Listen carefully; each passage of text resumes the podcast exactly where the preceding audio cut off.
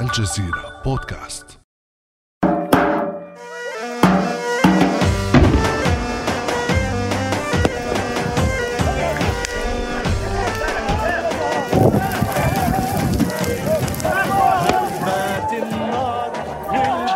ما شاء الله هاي الشباب حركة المستوطنة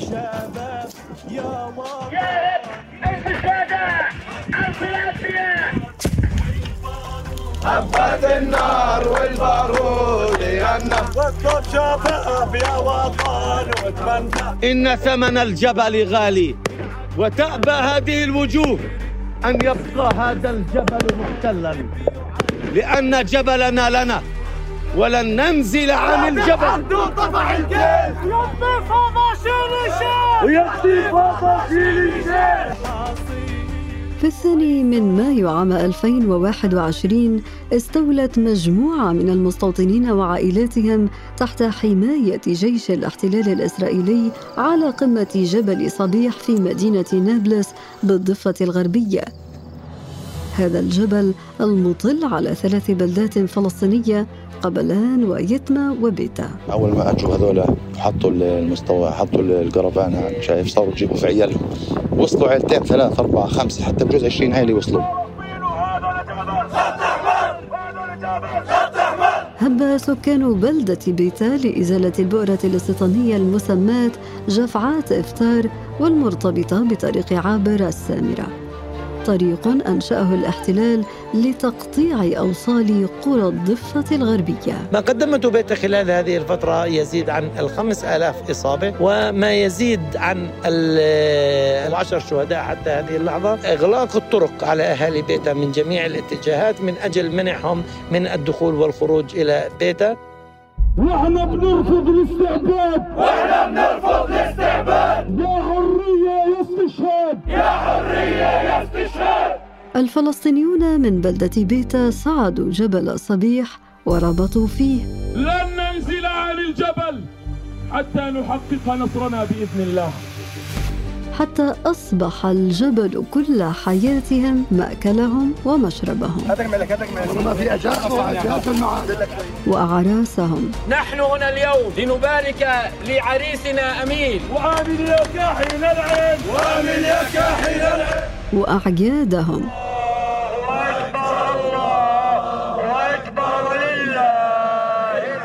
صلاة عيد الأضحى المبارك ركعتان. يغنون وهم يعدون القنابل الحارقة لاستهداف المستوطنة.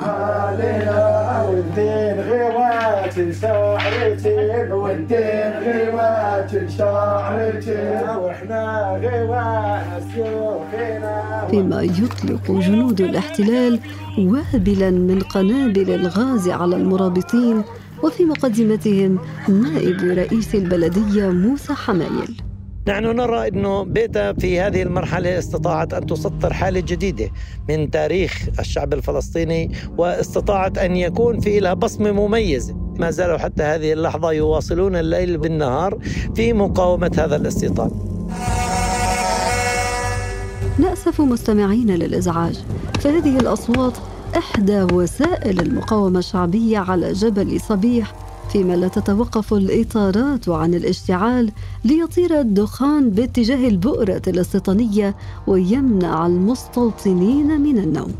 الآن وصول سيارات وحدة الكوشوك التابعة لبلدة بيتا متوجهة لجبل صبيح. مئات العجال تالفة. ليلا ونهارا كان في هناك إطارات مشتعلة وهذه الإطارات المشتعلة أدت إلى خروج المستوطنين بالإضافة إلى الإزعاج، يعني استخدموا حالتين من البداية، حالة عدم يعني ترك المستوطنين يتنفسوا هواء نقيا أو حتى أن يناموا بهدوء، لأنه كان في هناك كمان وسائل للإزعاج. إنها ليالي الإرباك في نابلس ليال تهدف لوقف الاستيطان وطرد المستوطنين الذين ينزلون من مستوطناتهم تجاه القرى ويعيثون في الأرض فسادا. المستوطنين بالقرى المجاورة آه، يوم يوم بينزلوا عليهم في الزيتون برضه بينزلوا عليهم في الحراث بينزلوا عليهم. ما بتقول يعني فيش يوم ولا يومين إلا انت سامع هاجمين على قرية ولا مكسرين الشباب ولا ضاربينهم ولا آه، حاركينهم منازلهم. هذا الشيء لا نسمح فيه نهائيا. ليش؟ لأنه مستوطنات منين بدك تجيب له الحك اللي يقعد في أرضنا؟ منين بدك تنطيه الحك إنه يقعد في أرضنا؟ فيش أحسن هو؟ خلقت واحد أبصر منين جاي تجيب بدك تسمح له يقعد في الجبل هذا عندنا وياخذ حقوقنا. كيف؟ مستحيل هذا الشيء يصير. نموذج فريد للمقاومة الفلسطينية تسطره بلدة بيتا منذ أكثر من 230 يوما مقتبسة ليالي الإرباك من تجربة أهالي غزة لتصبح حالة إبداعية تواصل انتشارها في عدة قرى بالضفة الغربية. وفق الدكتور نشأة الأقطش أستاذ الأعلام في جامعة بيرزيت الذي يحضر فعاليات جبل صبيح. ما رأيت في هذا الجبل خلال السبع شهور الماضية. رفع معنوياتي اللي كانت مرفوعة ومتأكد من النصر القريب على هذا الاحتلال لأنه هذا الشعب لا يهزم.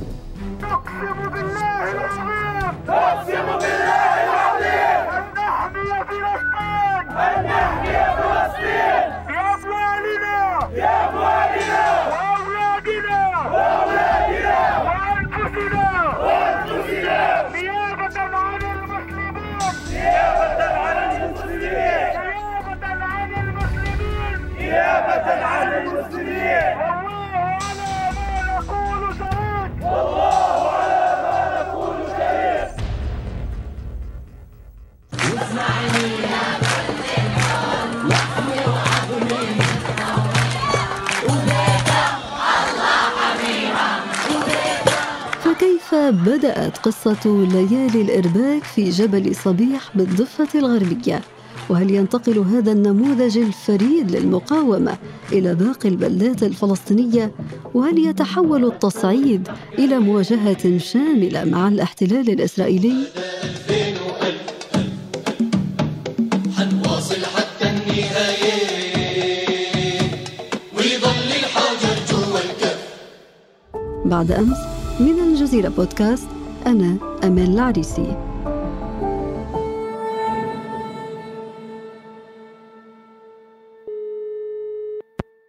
هذه الحلقة نستضيف الصحفي والكاتب الفلسطيني الأستاذ مجاهد بني مفلح من نابلس. أهلا وسهلا بك أستاذ مجاهد. يا أهلا بك أستاذ أمل. أهلا وسهلا. أستاذ مجاهد بداية ما الذي يحدث على جبل صبيح في مدينة نابلس؟ وأنت الذي غطيت فصولا مما يحدث هناك. نعم ما يحدث على جبل صبيح في الحقيقة شيء عجيب. نحن نتحدث عن ملحمة مواجهة أسطورية. بلدة بكاملها تقاتل تواجه الاستيطان بصدور شبابها العارية بأنامل الأطفال الصغار بعكازات المسنين بدعوات الأمهات وصبرهن. ما يحدث بلدة بكاملها ومنذ ثمانية أشهر ترفض وجود الاستيطان على جبل صبيح. هذا الجبل الواقع جنوب بلدة بيتا جنوب الواقع جنوب شرق مدينة نابلس. حاول المستوطنون إقامة بؤرة استيطانية على هذا الجبل. بالطبع علاقة الفلسطيني بأرضه ليست مجرد علاقة طارئة. هي تعبر عن جزء من هويته وذاكرته حراثة الأرض الذكريات قطف الزيتون كل هذا جزء من الوجود الفلسطيني. أستاذ مجاهد ذكرت في بداية إجابتك وصفا تحدثت عن ما يحدث في جبل صبيح بالعجيب. فأين العجب كما يقال؟ العجب يكمن في أن بلدة لا يتعدى عدد سكانها تقريبا 14 ألف نسمة تقاتل منذ ثمانية أشهر ليلا نهارا في عز الظهيرة في البرد القارس. فنحن الآن نتحدث عن الشتاء. الشتاء اللي هي المربعانية في التراث الفلسطيني. المواجهات بدأت في أيار مايو المنصرم بعد أن وضع المستوطنون كرفانات أو ما يعرف بالبيوت المتنقلة في محاولة للاستيلاء على هذه الأرض. بدأت المواجهات بعدد قليل من الشبان توسعت. الآن نحن نتحدث عن ظاهرة منذ ثمانية أشهر مستمرة. جبهة قتال في الضفة الغربية مشتعلة منذ ثمانية أشهر. إصرار عجيب إرادة قوية. نتحدث عن مواجهات في الليل في النهار أيام الجمعة أيام العطل نتحدث عن شبان صغار يصابون في المواجهة ويعودون في اليوم التالي أو حتى بعد ساعات إذا كانت إصابتهم تسمح لهم طيب أستاذ مجاهد لو تحدثنا عن جبل صبيح ما أهميته وكيف يعمل الاحتلال الإسرائيلي على تقطيع أوصال الطرق بين القرى والبلدات في هذه المنطقة؟ جبل يتوسط بلدات بيتا وقبلان ويتمة هذه البلدات تقع جنوب شرق نابلس أو فيما يعرف في المشاريق. محاولة الاستيطان وضع قدم له في هذا المكان يعني خلق جسم طارئ يحول دون التواصل بين هذه البلدات الفلسطينية الثلاث وبالتالي يحد من إمكانية توسعها مستقبلا. وقطع التواصل بين جنوب وشرق جنوب وشمال هذه المناطق وشرق وغرب المنطقة الواقعة في حاجز زعترة. حاجز زعترة كما هو معروف يقع في المنطقة في منطقة جنوب شرق نابلس. يفصل محافظة سلفيت في الغرب عن قرى جنوب شرق نابلس في الشرق ويفصل أيضا بين آه، آه، بلدات نابلس الواقعة شمال هذا الحاجز وبلدات نابلس الواقعة جنوبه وبالتالي التي ترتبط مع رام الله. فوجود هذا الجسم في هذا المكان آه، يعني أن الفلسطيني سيكون لن يكون بمقدوره الفلسطيني لن يكون بمقدوره زيارة مثلا عائلاته في البلدات الثانية أو قطع أي تواصل هذا الشارع نحن نتحدث عن شارع 555 الذي يمر من من حاجز زعترة باتجاه الشرق. الشرق يعني آه، التواصل خلق تواصل مع مستوطنات المستوطنات الواقعة جنوب شرق نابلس والرابطة باتجاه أريحة والأغوار. فوجود هذا البؤرة في هذا المكان يعني خلق تواصل بالتالي مع طريق عابر السامرة الذي يمر من الذي يربط جنوب جنوب فلسطين بشمالها ويمر من منطقة الداخل الفلسطيني من كفر قاسم ويمر شرقا باتجاه الأغوار الفلسطينية. يعني أستاذ مجاهد الاحتلال الإسرائيلي يعمل على تقطيع أوصال القرى في الضفة الغربية وعزلها عن منطقة الأغوار في الشرق هذه المنطقة لتعتبر السلة الغذائية والخزان المائي للضفة الغربية ضمن مخطط سابق للسيطرة على الأغوار وبالتالي هل هناك إسناد رسمي لهذه التحركات في منطقة بيتة؟ يعني أحيانا الحديث في هذا الجانب ذو شجون كما يقال لكن بلدة بيتا وحينما بدأ آه، أبناؤها في هذا الحراك كانوا يعولون على صدورهم على آه، آه، سواعدهم. بالتالي انتظار أي فعاليات مساندة هو شيء جيد وأتى لاحقا. لكنه يظل دون دون المستوى المأمول. نحن نتحدث عن بلدة صغيرة تقاتل هناك ثمان شهور موارد هائلة يحتاج هذا الحراك، نحن نتحدث عن فعاليات إرباك ليلي، آه، فعاليات آه، مواجهات في النهار، إشعال إطارات الكوشوك. بالتالي أيضا نتحدث عن أن معظم الشبان الذين كنت ألتقيهم على الجبل كان يمر عليهم مثلا أربعة أشهر أو ثلاثة أشهر دون عمل. عملهم الوحيد أنا هنا دفاعا عن هذا الجبل. أشرت أستاذ مجاهد إلى الإرباك الليلي. من أين استمد أهلي بيتا هذا النموذج هذا النموذج للمقاومة وكيف طوروه؟ يعني نموذج الإرباك الليلي بدأ آه، منذ أواسط حزيران يونيو الماضي. آه، البداية كانت من مسيرات العودة وفعاليات الإرباك الليلي التي انطلقت في قطاع غزة. وجد الشبان في بلدة بيتا أن هناك إمكانية لاستنساخ هذه التجربة بأدوات ووسائل جديدة يعني تناسب البيئة. نتحدث عن بيئة جبلية. تناسب البيئة التي آه، يخوضون المواجهة عليها. فبالتالي بدأت المواجهة. المواجهة بدأت بإشعال آه، أعداد كبيرة من الإطارات المطاطية الكوشوك. بدأ الشبان بجمع هذه الإطارات من البلدة عبر الشاحنات السيارات كل أصحاب أو كل الشبان كانوا يشاركون الصغار الأطفال الكبار. بدأت بهذا الكوشوك. إشعال إطارات الكوشوك. الفكرة منه طبعا نحن نتحدث جغرافية الجبل. نحن نتحدث عن تلة مقابلة للجبل اسمها تلة كرم النمر. وبالتالي منها آه، ينزل الشبان باتجاه الوادي ثم يصعدون إلى جبل صبيح. الصعود نحو جبل صبيح لا يتم إلى نهاية قمة الجبل الذي يسيطر عليه المستوطنون أو الذين أقاموا عليه آه، الكرفانات والبيوت المتنقلة. وبالتالي الآن نحن نتحدث عن تواجد دائم لجيش الاحتلال. فالشبان يصعدون إلى منتصف آه، الجبل يوزعون الإطارات المطاطية على الجبل. وفي ساعات المساء أو بعد العصر يشعلون هذه الإطارات. تكون حركة الرياح باتجاه المستوطنين. فبالتالي آه، الفكرة من هذا الإشعال هذه الإطارات آه، أقل القليل أو الأسلوب المتوفر أنه حتى الهواء الذي يستنشقه المستوطن على هذه القمة سيكون ملوثا. ولكن هل برأيك أستاذ مجاهد هذا النموذج الفريد للمقاومة في بلدة بيت فعال هل برأيك آه، هل يؤثر على جنود الاحتلال وعلى المستوطنين؟ يعني آه، بالدرجة الأولى أهل البلدة يقولون أنهم لن يعني يقفوا آه، مكتوفي الأيدي أمام محاولة السيطرة على أرضهم بالتالي في أي محاولة لإرباك المستوطن أو إزعاجه أو جعل وجوده غير مريح في هذا المكان هي بمثابة أسلوب مقاومة.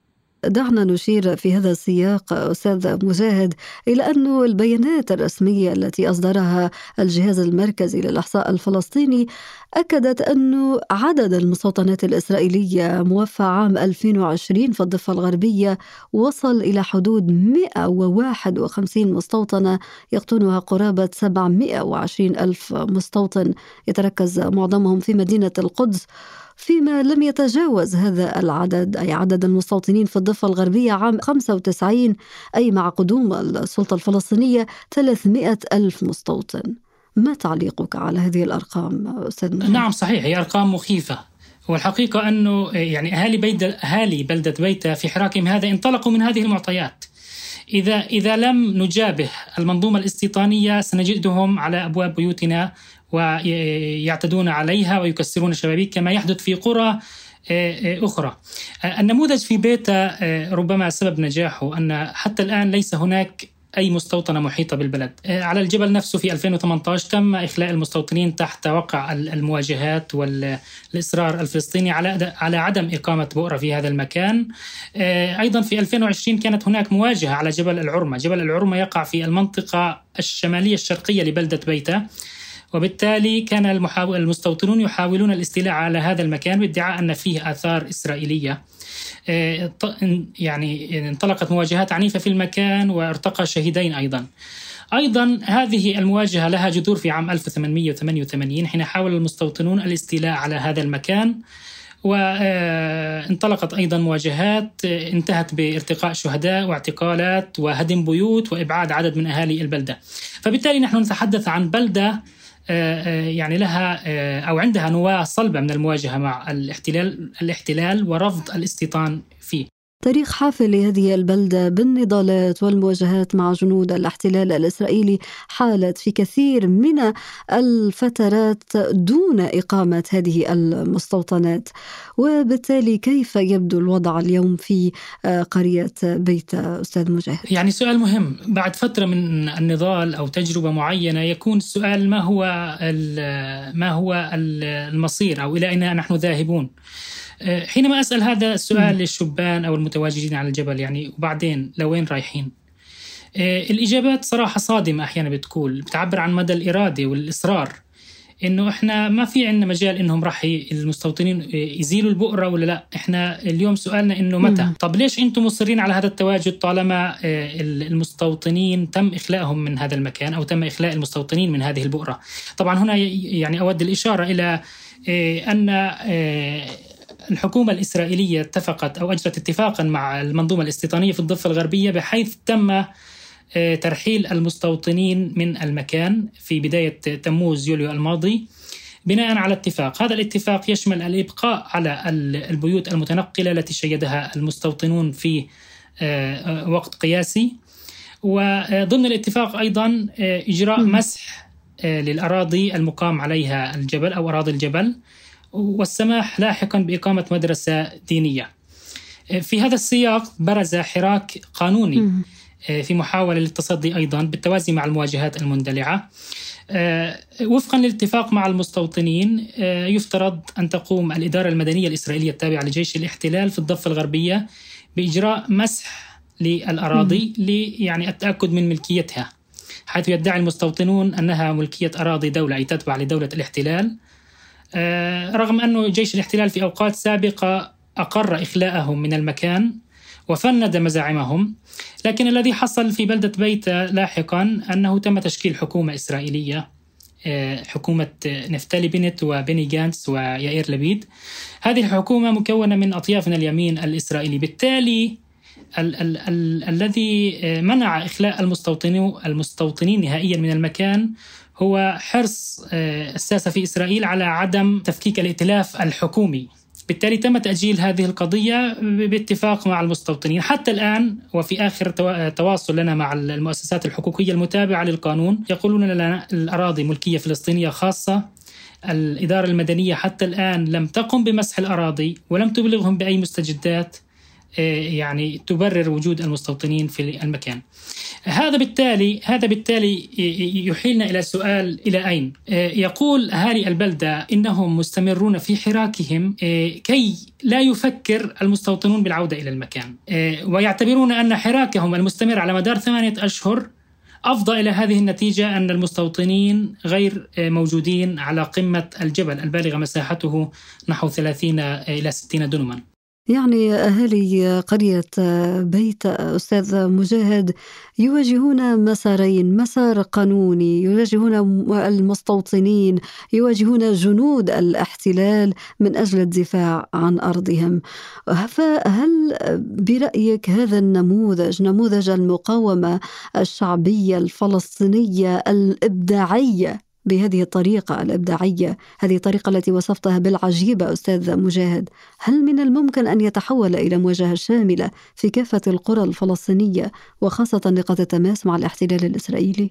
هذا سؤال مهم جدا أستاذ أمال أعتقد باعتقادي الشخصي أن محاولة الحكومة الإسرائيلية تأجيل أي قرار فارق في فيما يخص جبل صبيح أنها لا تريد لأهالي بلدة بيتا وبلدة بيتا ونموذجها أن يحصلوا على صورة نصر أو إنجاز. بالتالي هذا الأمر يخيف إسرائيل.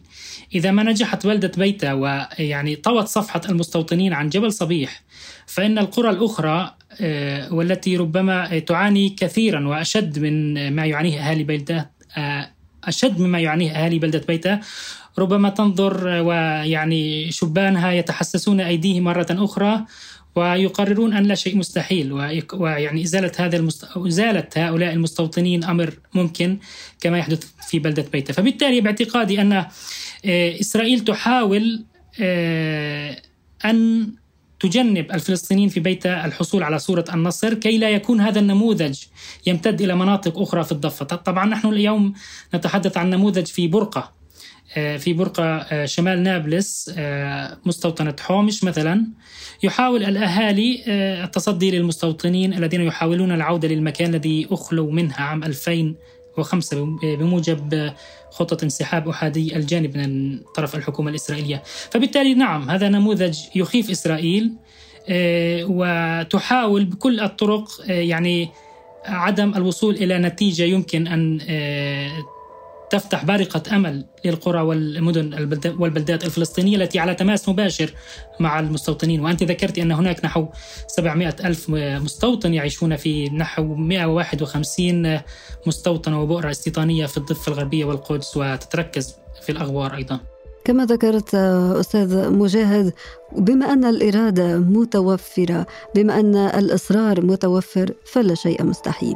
الأستاذ مجاهد بني مفلح من نابلس شكرا جزيلا لك على هذه المشاركة المهمة والمفيدة. شكرا شكرا. كان هذا بعد أمس.